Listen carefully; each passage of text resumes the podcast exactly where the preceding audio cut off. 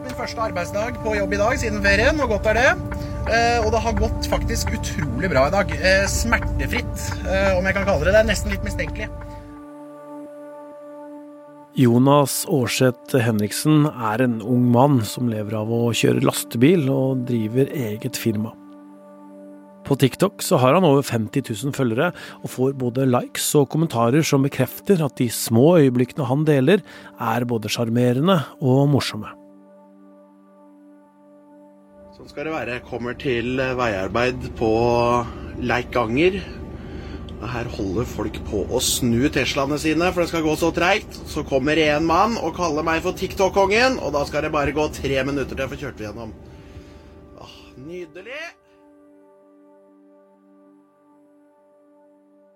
Videoene tegner et bilde av en blid og energisk fyr med mye humor, og med mange venner og kjæreste. Han betyr mye for mange, og flere kommenterer at de ser opp til ham, at han er et forbilde for andre som vil kjøre lastebil eller drive eget firma. Men i løpet av de siste månedene av livet hans så endra det seg drastisk. På sosiale medier så deler han plutselig et helt annet innhold enn det idylliske lastebillivet. Ref den videoen jeg la ut i går om at det skjer litt mye stressende ting om dagen. Akkurat som at det er noen som er liksom ute etter oss. Eller eventuelt meg, da. Så ble jeg ringt og vekka av politiet på morgenen i dag, jeg. For det viser seg nemlig det at uh, Verkstedet mitt, det har tatt fyr i natt.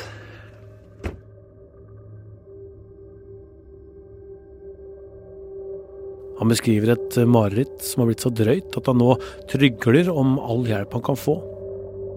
Han sier at uh, han har opplevd vold og hærverk, og at han uh, nå frykter for sitt eget liv.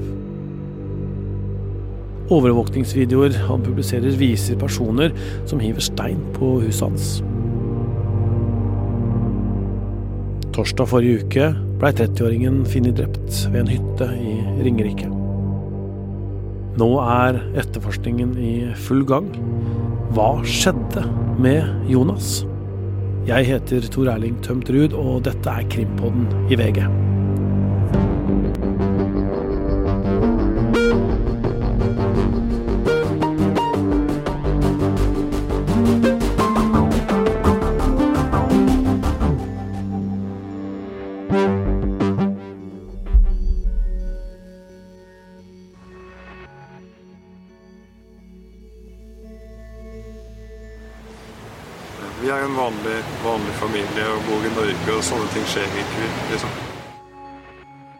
Dette er stefaren til Jonas, Ivar Borgen. Han er også talsperson for familien. Han beskriver Jonas som en livsglad gutt som er utadvendt og glad.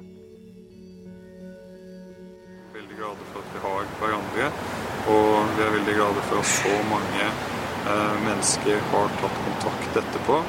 Eh, men de forteller også om at han har betydd noe for dem, og noe i deres liv, og at han har hjulpet dem. Og det, det gjør jo eh, det lettere eh, å komme gjennom hverdagen for familien.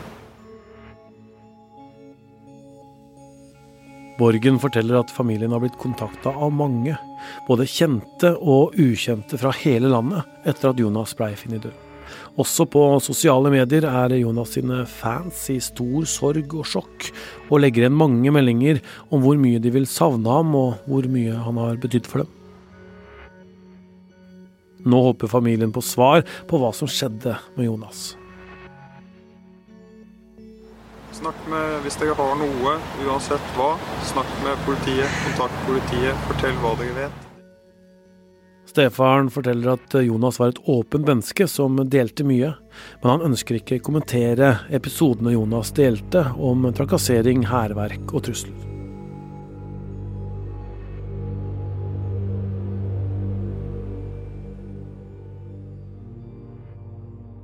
Når vi eh, spiller inn denne episoden av eh, Krimpodden, så er det onsdag ettermiddag. Og det skjer stadig noe nytt i denne saken, og det kommer nye opplysninger hele tida. Vi var jo i Hønefoss på tirsdag, Øystein, og spilte inn noe da som vi skal høre etterpå i denne episoden. Men det har jo kommet inn mye nytt siden den gang. Ja, dette er jo en sak som er i eh, utvikling, og her jobbes det eh, fra politiets side med voldsomt trykk, og, og, også da fra oss i mediene for å finne ut hva er det dette handler om. Eh, og mm, det er en rekke nye opplysninger som du sier som er ute, og en av de er jo at NRK har publisert en sak hvor de skriver at en av politiets hovedteorier er at Jonas ble lokket eh, til dette stedet, denne avsidesliggende skogsbilveien eh, hvor det er en hytte innerst. Eh, om, det da var si, lokking i form av at det var satt opp et møte som så ut til å være et vanlig møte, eller hvordan omstendighetene er, vet vi ikke. Men det har jo vært, som vi var inne på allerede den første episoden vi spilte inn rett eh, over helga, på mandag, en av de helt sånn åpenbare mulighetene når man ser alle de omstendighetene i denne saken under, under ett. Og vi var jo på det stedet da på, på tirsdag og så denne hytta eh, sjøl. Og har jo, jeg har faktisk vært i kontakt med hytteeieren, og, og det har jo kommet ut at hytteeieren eh, ikke har noe med denne saken å gjøre. Vedkommende sier at, at Jonas var var ukjent, eh, og at de ikke hadde bestilt noe arbeid. altså Jonas drev med brønnboring bl.a. Og, og spyle brønner. At de ikke hadde noe sånt arbeid. da. Ja, og det gjør jo dette mysteriet enda større. fordi at som du sier, så var jo vi ute på tur og har vært eh, på stedet. og det går jo en slags eh, hovedvei. Eh, dette er jo grusveier, og de er ganske smale. Typisk typisk sånn skogsbilvei, som det finnes mange, mange hundre og ikke si tusen kilometer av i Norge. Um, men det er jo da en vei som tar av inn til og går liksom rundt dette tjernet som ligger der, og den går jo da bare inn til én hytte. Uh, og da kunne man tenke at uh, kanskje eh, Jonas hadde en, en eller annen si, kobling til den hytta, og var derfor han hadde oppholdt seg der. Men, men det er jo da nå brakk på det rene at det hadde han ikke, og det gjør da gåten enda større. Hvorfor har han eh, blitt eh, Hvorfor har han kjørt, eh, eller blitt kjørt, eller blitt ledet inn på denne blindveien? Og så må jeg si en ting om den hytta, Tor Erling, og det kan godt hende ikke det betyr noe, men vi må ta det med. Vi har jo merka oss med interesse at når vi var på bakken, så ble vi møtt av to hyggelige politifolk som avviste oss å kjøre inn den grusveien som går til den hytta. Så der var ytre politisperring. Men så finnes det også en, eh, sperring til, og den har vi sett på bildet fra lufta, at selve hytta er også eh, avsperra. Og så vet ikke vi hva det betyr. Men uh, vi har også merka oss at politiet har jo gått ut med en etterlysning og bedt hytteeiere, selvfølgelig, som har sett noe og hørt noe, melde seg, men også bedt hytteeiere sjekke om det har vært noen inn i hyttene deres uh, en periode før drapet skjedde. Uh, så det er tydelig at det er mye rundt ja, både hytter og bevegelser og det som har skjedd på innsida av denne, denne bommen som vi passerte, som politiet er interessert i. Og så har jo vi i VG skrevet nå at det er opplysninger om at eh, han ble skutt. Det har vi, eh, og at han eh, også er funnet, eller ble funnet i en bil, har jo vært kjent. Det er jo også kommet frem at han delte posisjonen sin ved å sende en uh, melding, en type melding med en sånn knappnål på et kart, sånn som vi forstår det, til noen kompiser om at han var der, eller i nærheten av der han ble funnet. Og så er det ikke noen omstendigheter rundt uh, mer enn det kjent rundt det, bortsett fra at en eller flere da kamerater ble bekymra etter hvert som de ikke fikk tak i ham, og kjørte da, tok seg opp i dette området for å se etter ham fordi de hadde fått denne eh, posisjonsdelinga. Og det er jo da bekrefta at de fant eh, Det er de som fant eh, Jonas død i, i, en bil. Og som du sier, så har vi publisert nå en opplysning som er, er ny, og det er at han da har blitt skutt.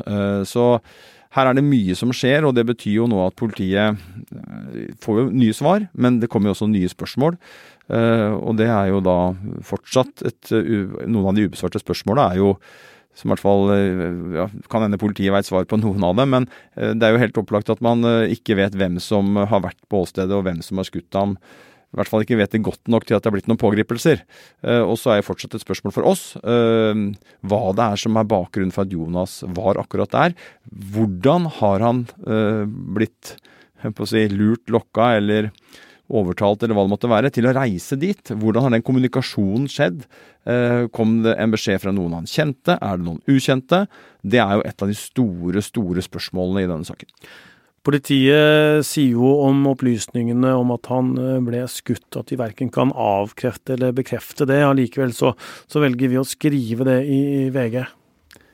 Ja, det handler jo om at det er en relevant uh, opplysning. Vi står overfor en svært alvorlig kriminalsak. Et uh, uoppklart drap på en, på en person. og sånn som dette framstår nå, så vil jeg si det er en klar sannsynlighet for at dette er et planlagt uh, drap. Uh, et såkalt overlagt drap, som det ble kalt før. Og det er jo noe av det mest alvorlige et menneske kan utsettes for. Uh, og det gjør jo at det er Informasjonsbehovet er stort, og, og, når vi da skriver det, så er det på bakgrunn av at vi har sikre kilder og er sikre på at det er korrekt. Politiet har også gått ut eh, med at de ikke har kontroll på alle bevis eller, eller vitner, eh, og, og, har jo heller ikke sagt eh, noe om hva de tror om han ble, ble drept samme sted som han blei funnet. Nei, og det er jo en av de tinga som vi har snakka om, og som er like sentralt. Det er jo for politiet nå, og som jeg merker meg jo med interesse at uh, de jobber jo fortsatt uh, på det som kalles et åsted, og vi var der på tirsdag, og det ble sagt at det skal jobbes i flere dager, så det er åpenbart et ganske eh, grundig arbeid som må nedlegges der. Det blir jo enda mer utfordrende hvis man ser for seg at drapsstedet, eller at det har skjedd en annen straffbar handling mot ham, Eh, på et annet sted enn funnstedet, så blir det jo, er jo det én mulighet for at det blir et mer omfattende arbeid. For det er klart, uh, da er det viktig å sikre alle de stedene hvor det kan ha vært uh, utspilt seg en handling som har relevans for, for, drapet.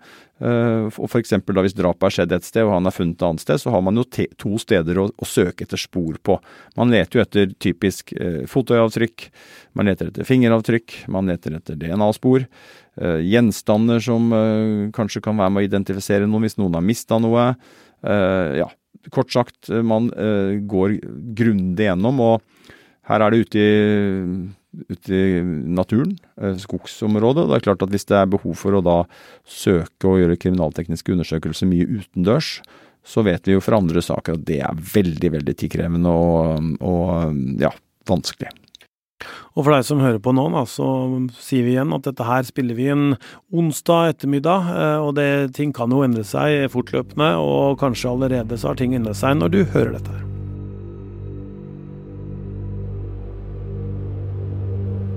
Politiet har bekrefta at Jonas hadde status som fornærmet i flere saker som er eller har vært under etterforskning, og at det er naturlig for dem å se på det også i forbindelse med denne drapsetterforskningen. Hendelsene starta sommeren 2021, da en bobil som sto i nærheten av Jonas sitt verksted, tok fyr. Denne saken havna på TV 2 sitt program Åsted Norge, der politiet sier at brannen trolig starta etter at noen kasta brannbomber mot bobilen ved Jonas sitt verksted. Politiet etterlyste føreren av en bil, men saken blei aldri oppklart. Dette er bare starten på det som ifølge Jonas skal være over 14 hendelser kun siden mars i år. Fra juni så begynner Jonas å dele mer og mer på sosiale medier om brannene, volden og hærverket han skal ha opplevd. Jeg har sjøl vært i Hønefoss denne uka her og sett at teksten 'Tyster-Jonas' er tagga flere steder. Ifølge NRK undersøker politiet om det er sammenheng mellom den taggingen som ble gjort i juli i år, og at han nå er drept. En venn av Jonas tar kontakt med krimpodkasten Avhørt for at Jonas skal få hjelp. Da er vi Hønefoss. Hva skjer her? Vi skal møte en uh, fyr som uh, har opplevd veldig mye rart de siste ja, året, par åra. Det er mye Det er åpenbart noen som er ute etter den. Så det blir jo spennende å høre hva han tenker om hvem som står bak opp dette, og hva motivet er. Hvorfor i all verden skal noen være så ute etter ham? Det kan ikke bare være tilfeldig. Kun seks dager før Jonas blei funnet død, møter avhørt ham for å snakke om det han har opplevd. Her forteller Jonas at eh, han i de to siste årene har hatt flere lastebiler eller biler som tilhører Jonas, som har eh, brent opp. Jonas var redd for tryggheten sin og uttrykte at han frykta for livet. Det er ukoselig altså, når du har folk på besøk. Det er sånn du ser på film, liksom, som du er redd for når du er liten og sånn. Du har opplevd å få uønska besøk. Ja, nå er det Jeg mener jeg tok en oppdeling her om dagen. Nå er det vel 14 hendelser fra og med mars. Utenom de brannene som har vært tidligere, da, som er liksom bakteppet. Det siste intervjuet med Jonas publiserte Avhørt i går. Krimpoddens Hanna Espevik dro for å snakke med Avhørt om deres siste møte med Jonas.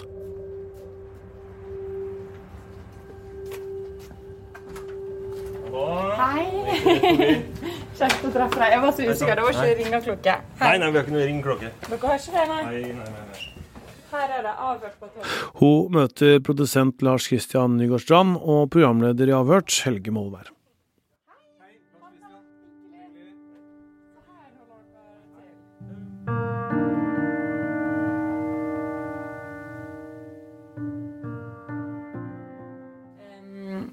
Hva var utgangspunktet for at dere eh, dro for å møte Jonas? For oss så starta dette her eh, litt før sommeren i år, at vi fikk eh, et tips inn via vår Facebook-side. Det var en venn av Jonas som, som mente at disse truslene og brannene som Jonas hadde opplevd eh, over lengre tid, eh, eh, var noe vi burde se nærmere på. Så vi begynte å kikke på disse innleggene han har lagt ut på Facebook, og vi skjønte jo fort at han også var en profil på TikTok som Lastebil-Jonas. Og vi tok jo da etter hvert kontakt med Jonas uh, selv, og han uh, var mer enn villig til å, å, å fortelle historien i, i podkasten. Uh, så vi avtalte jo da et eh, møte. Eh, Og i det møtet så fikk vi jo eh, høre om alt fra eh, bilbranner, eh, steiner som ble kasta gjennom ruter, tagging rundt omkring i byen, parafin som ble helt over en eh, motorsykkel, og, og trusler.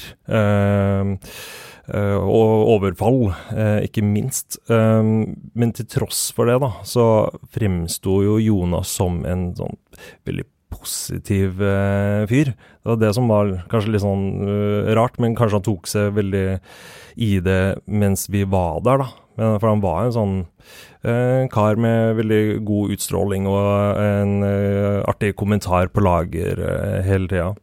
Men vi, vi forsto jo òg at det var en grunn for at han ville ha oss der. Det var jo for at han var veldig bekymra, og han ønska at de tingene han opplevde, skulle ta slutt. Det, det var jo noe som lå under der, og jeg har jo hørt med Snakka veldig mye med hans kompiser nå eh, de siste dagene, og de forteller jo at eh, han var veldig, veldig bekymra. Han fortalte jo også at han syntes det var veldig synd at han måtte gå til en podkast for å få hjelp. Han følte jo at eh, politiet ikke hadde vært helt eh, til stede for han, eller hørt på han i eh, bekymringene sine. Mm, så han håpet jo at ved å gå til avhørt, at han eh, kunne nå ut til flere. Hva var han, eh, eller Snakket han noe om hva det var han var redd for? Altså, Jonas levde jo eh, med alle disse hendelsene eh, gjennom to år, og han var jo veldig sliten av det. Og det begynte jo å virkelig gå utover eh, livskvaliteten og, de rundt han òg, så han ønska jo bare at det skulle ta slutt. Men jeg, jeg nok Jeg har litt sånn følelsen av at han trodde at det kunne føre til noe enda verre. Ja, en, en stein, at steiner kom gjennom ruta, eller at en bil fikk et malingsspann på seg. Og det var jo akkurat det som skjedde. Det skjedde jo noe veldig mye per. Så vi, vi hadde jo en plan. Og, sånn som vi jobber, og at vi prøver å være litt sånn ute i felt. Og etterforsker vi selv, da. Altså, vi hadde jo en plan om å eh, være der over en litt lengre tid, uh, og forsøke å uh, oppleve de her tingene selv. At om vi var på samme sted som Jonas, da, eller i en av de bopelene hvor uh, han har opplevd hendelser, at vi skulle klare å ta noen på fersken, rett og slett. Men eh, så langt kom vi jo aldri. Hva sa Jonas til den planen, da, eller hva, eh, hva følte han om det? Ja, altså han, han, var jo helt med på det. Han har jo eh, gjort veldig mye til forskning selv, satt opp overvåkningskamera og fått veldig gode beviser. Eh. Trodde, hvem trodde Jonas at, eh, at, disse folkene som var etter han, var, da? Hvis du snur deg til venstre nå, så ser du på denne whiteboarden har vi satt opp eh, en del av eh, dette persongalleriet. Vi har eh, Jonas i midten der, og så litt sånn forgreninger utover. Så har vi dekka til noe der.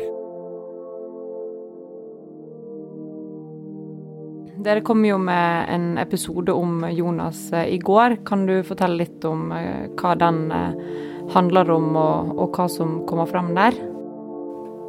For Jonas så startet dette her med en serie branner mot et verksted og bilene som han, som han eide gjennom firmaet sitt i 2021 og 2022. Eh, så del én av vår eh, serie tar utgangspunkt i disse brannene. Og så springer jo hele historien videre derifra. For det skulle jo bli mye verre i etterkant av dette. Det må ha vært eh, veldig dramatisk for dere å, å få den beskjeden på torsdag eller fredag eller når dere fikk den om at uh, Jonas var død. Kan dere fortelle litt om, uh, om, hva som skjedde og hva dere tenkte da? Beskjeden om at Jonas uh, var død fikk vi på torsdag kveld. vi fikk høre av en av de som fant han, faktisk, som vi hadde møtt uka før i Hønefoss. det var jo sjokkerende å høre. Uh, det var jo ikke lenge siden vi var hos han og, og hadde et uh, veldig fint møte. Så vi satt der jo i, i bilen, vi var ute på en, en, jobbreise og var jo sjokkert. Uh, så vi begynte jo med en gang å, å lure på hva, hva dette her var for noe, da. Så, og ut fra det vi hørte i den telefonsamtalen, så var jo liksom, falt vi litt ned på at det kunne dreie seg om et eh, ille befinnende. Uh, og så Sjokket ble jo desto større dagen etterpå, når man hørte at det var snakk om mistenkelig dødsfall. Og så lørdagen etterpå så gikk politiet ut og sa at uh, han har blitt drept. Mm. Hva var det første dere gjorde når dere fikk den beskjeden om at, uh, om at han hadde blitt drept, og at dette ikke var et illebefinnende? Gikk jo alle de røde lampene på kontoret her. Og vi satte jo med en gang i gang med arbeidet med, eh, med det intervjuet vi hadde gjort. Og innhenta den informasjonen vi kunne fra andre vi hadde vært i kontakt med i forbindelse med den saken. Eh, vi visste med en gang at vi, at vi måtte lage noe på dette her. Men det er jo veldig mange hensyn å ta i arbeidet med noe som er så ferskt, da. Eh, selv om vi, vi, liker jo å si at vi lager true crime in real time. At vi, vi, lager saker som er pågående, men noe så ferskt og så dramatisk, det har vi ikke laget noen før, da. Men eh, vi, vi, begynte jo veldig fort å få inn tips.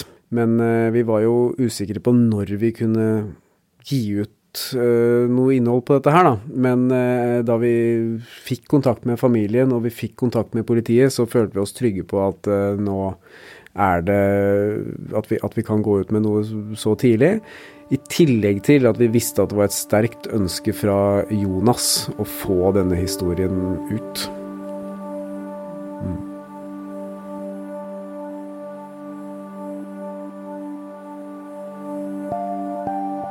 Politiadvokat Tine Henriksen sier til VG at deres hovedfokus nå er å finne ut hvem som står bak drapet og hva som har skjedd.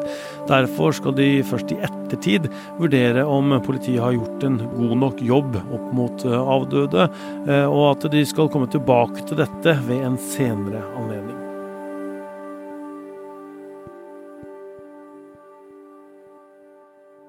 Øystein Milli og jeg dro også tirsdag denne uka til Nes i Ådal, der Jonas blei funnet død. Da har vi jo bommen, eh, tror jeg. Den har vi jo sett bilder av i Dagbladet. Det er den bommen, ja. Den er jo helt inntil asfaltveien her. Jeg går ut, jeg, da. Og så Ja, og så er det, nå er jo den bommen åpen, ser vi. Og det kan godt hende at det er fordi at nå er det mye trafikk inn og ut her fordi politiet jobber her inne. Men det var vel noen naboer som, hyttenaboer, som eh, hytteeiere, som sa til, eh, til Dagbladet at den låsen ble borte. På, og det er ikke vanlig, da. Det er en sånn hengelås som egentlig en kjetting og en hengelås. sånn at her sikrer man seg jo at bare de som har nøkkel, kjører inn på den veien. Hvis man tenker at man eh, har eh, kommer seg inn her, men ikke har nøkkel til bommen, og ikke vil bli låst inne, hva gjør du da? Da tar du låsen. Mm. Mm. Jeg må, vi må flytte bommen, da, så vi kommer fram her. komme oss inn.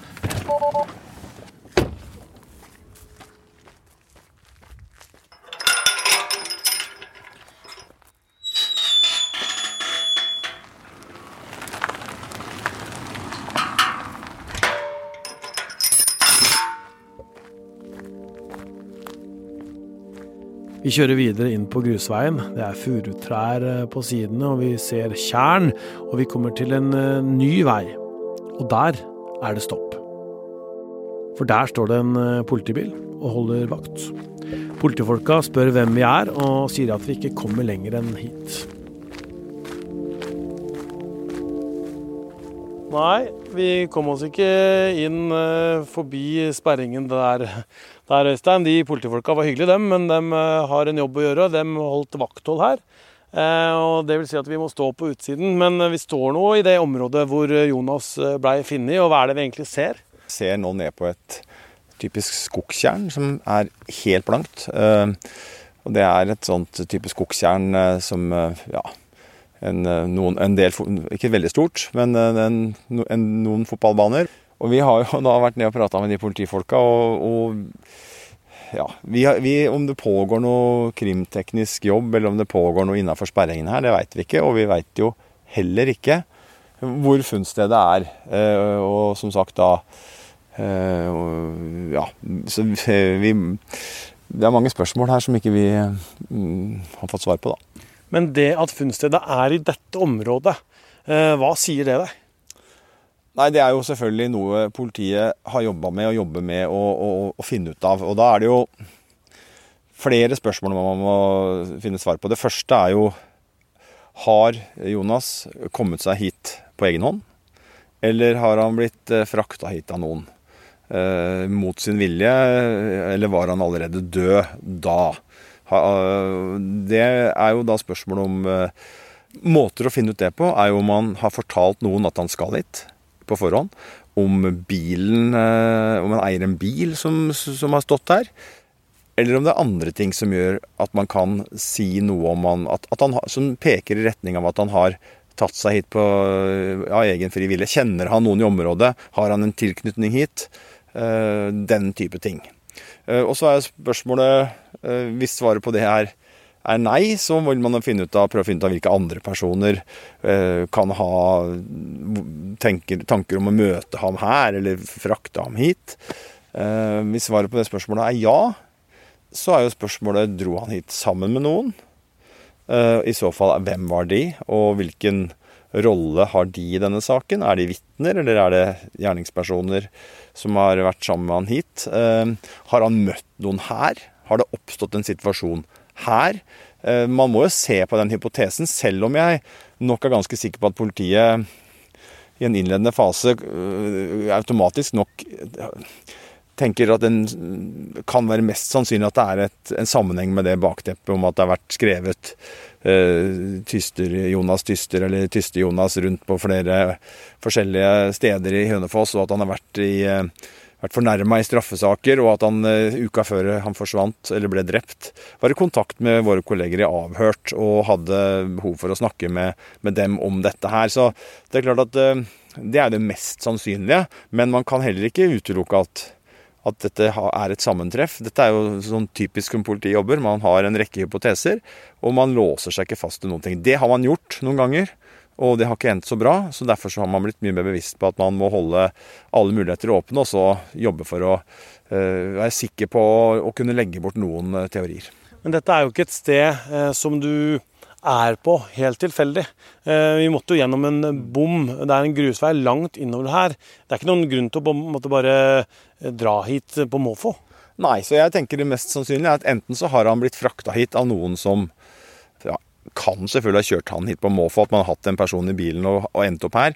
Det har vi sett før, at man har hatt eh, drapssaker, faktisk ikke så langt unna her, eh, hvor det var noen som kjørte til skogs med en mann, og som endte med at han da ble, ble drept og, og påtent. Eh, så det, det, kan jo hende, men det mest sannsynlige vil jeg jo si er at vi er på et sted hvor det er ganske lite trafikk. Eh, og det er en bom inn hit som gjør at eh, Nå sto den åpen uten lås, eh, og vi åpna den og kjørte inn. Men det er klart det er jo et hinder kanskje hvis man Man vet jo ikke om noen plutselig låser den bommen, da kommer man ikke ut igjen. Og hvis man da har vært inne her og kvitta seg med et lik eller drept noen, så er jo det veldig dumt å bli stående der. Så det er nok en ting som, som i forhold til tilfeldighetenes spill, så taler det mot en sånn hypotese. Og da er det to andre muligheter som er sentrale, da, og det er jo at enten at at Jonas sjøl har en tilknytning hit i en eller annen form, og at, at han sjøl har vært her av en eller annen grunn, og at, at, så drapet har skjedd. Eller så er det en eller flere av de som står bak dette her, som har en tilknytning hit, og som føler at det var et naturlig sted å reise, og som ikke var redd for det jeg sier, da, som eh, jeg i hvert fall vil tenke ganske logisk. Eh, hvis man ikke har kontroll på den bommen, så er det noe som fort kan være låst når man kommer tilbake igjen, og da ville det vært eh, veldig, sett fra en gjerningspersons ståsted, veldig kritisk. Jonas ble jo da funnet eh, i dette området eh, torsdag ettermiddag kveld. Men politiet eh, etterforska ikke dette som et drap før den foreløpige obduksjonen. Altså man gjorde undersøkelser av den døde kroppen som da viste at, at, han kan ha blitt drept. da. Hva, hva tyder det på, når man da finner han her? Nei, Skal man begi seg ut på å ha noen eh, teorier og hypoteser om det, så er jo det at, at det ikke er et drap som var veldig synlig. Eh, og som, som, et eksempel, da, hvis noen er utsatt for et drap, så kan det være store skader. Og hvis man da ikke finner en kniv eller en pistol eller et, et, et, uh, en gjenstand som vedkommende kan ha brukt til å ta sitt eget liv med, for det er også en hypotese man har i en sånn sammenheng, så vil jo det være veldig vanskelig å tenke seg at det er et selvmord. Uh, og, da, og, da, hvis det ikke er det, så er det ganske naturlig at da er det et drap.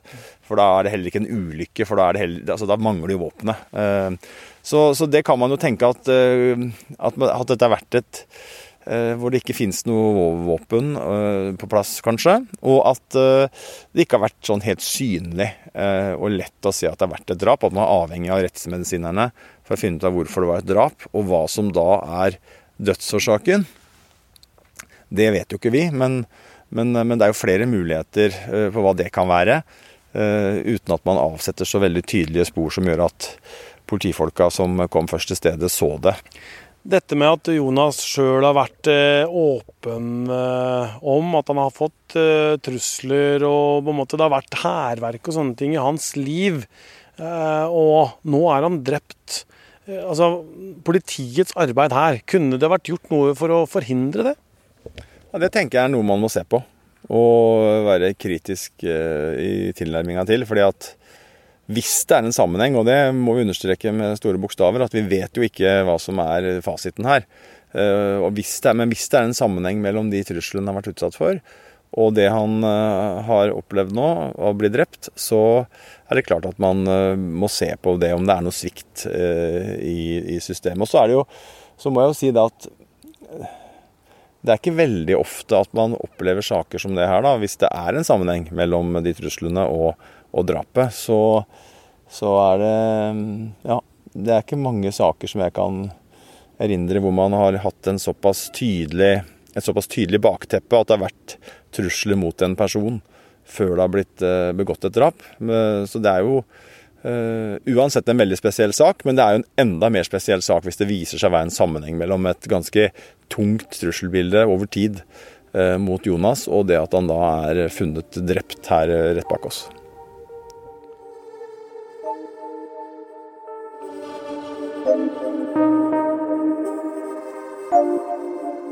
Krimpodden skal følge denne saken videre.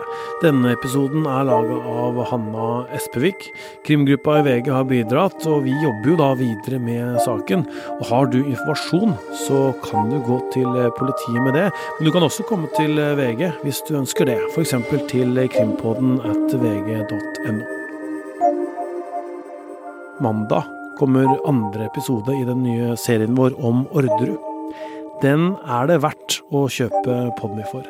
I denne andre episoden så går vi inn i gårdskonflikten, som politiet mener er selve motivet for trippeldrapet. Men var den egentlig det? Krimpoddens redaksjon består også av Ruth Einevold Nilsen. Vilde Worren er produsent, nyhetssjef Emilie Hall Torp, og jeg heter Tor Erling Tømt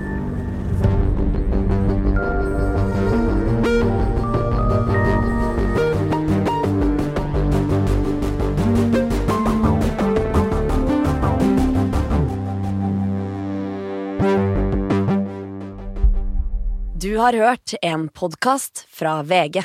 Ansvarlig redaktør, Gard Steiro.